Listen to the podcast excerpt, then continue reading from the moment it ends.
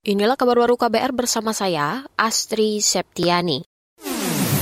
Kabar Pemilu Kabar Pemilu Pusat Pelaporan dan Analisis Transaksi Keuangan atau PPATK menemukan berbagai modus kecurangan transaksi dilakukan dalam masa pemilu. Koordinator Strategi dan Kerjasama Dalam Negeri PPATK Tri Puji Raharjo mengatakan, temuan itu berdasarkan riset pada pemilu 2019. Salah satu contoh misalnya modus dengan cara memecah-mecah supaya tidak terdeteksi. Misalnya dalam peraturan KPU ketika itu sumbangan dari apa individu atau pribadi maka uh, maksimal yang disampaikan itu 75 juta. Nah, oleh si pelaku ini misalnya dia mau menyumbang lebih ke dalam RKDK maka dia akan memecah-mecah sehingga seolah-olah itu bukan bagian dari uh, sumbangan untuk dana kampanye. Koordinator Strategi dan Kerjasama Dalam Negeri PPATK Tri Puji Raharjo menambahkan, Modus lain adalah menampung dana di rekening yang tidak terdaftar sebagai rekening khusus dana kampanye RKDK. Tri juga menyebut ada penjualan falas dalam jumlah signifikan dari peserta pemilu maupun petugas partai.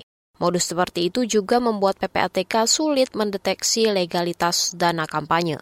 Saudara masih soal politik. Gubernur Jawa Tengah Ganjar Pranowo meminta bupati dan wali kota aktif turun ke masyarakat mencegah konflik menjelang pemilu 2024. Ganjar mengatakan, kerawanan-kerawanan konflik menjelang pemilu dan pilkada harus menjadi perhatian serius.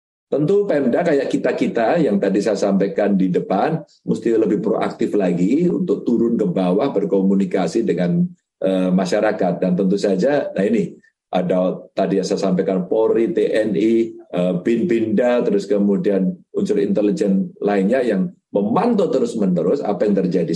Gubernur Jawa Tengah Ganjar Pranowo menambahkan, organisasi masyarakat juga berperan menjaga iklim demokrasi. Selain itu, kunci penguatan demokrasi ada pada partai politik yang sehat. Ganjar merupakan bakal calon presiden yang diusung PDI Perjuangan. Saudara kita beralih ke berita mancanegara. Kota terpadat di Amerika Serikat, New York, menerapkan pembatasan penggunaan sampah plastik sekali pakai untuk pesanan bawa pulang atau take out order. Kebijakan tersebut mulai berlaku Senin kemarin. Dikutip dari Antara, restoran dan layanan pesan antar di kota tersebut tidak diizinkan menyediakan peralatan makan plastik kecuali jika pelanggan meminta. Kebijakan ini bertujuan untuk mengurangi sampah plastik sekali pakai sesuai Undang-Undang Skip the Stuff yang disahkan tahun ini. Kebijakan pembatasan ini diuji coba hingga 30 Juni 2024. Setelah itu, setiap restoran yang melanggar akan didenda. Menurut data Komite Perlindungan Konsumen dan Pekerja Dewan Kota New York, lebih dari 320 juta ton plastik digunakan di Amerika setiap tahun. Demikian kabar baru KBR, saya Astri Septiani.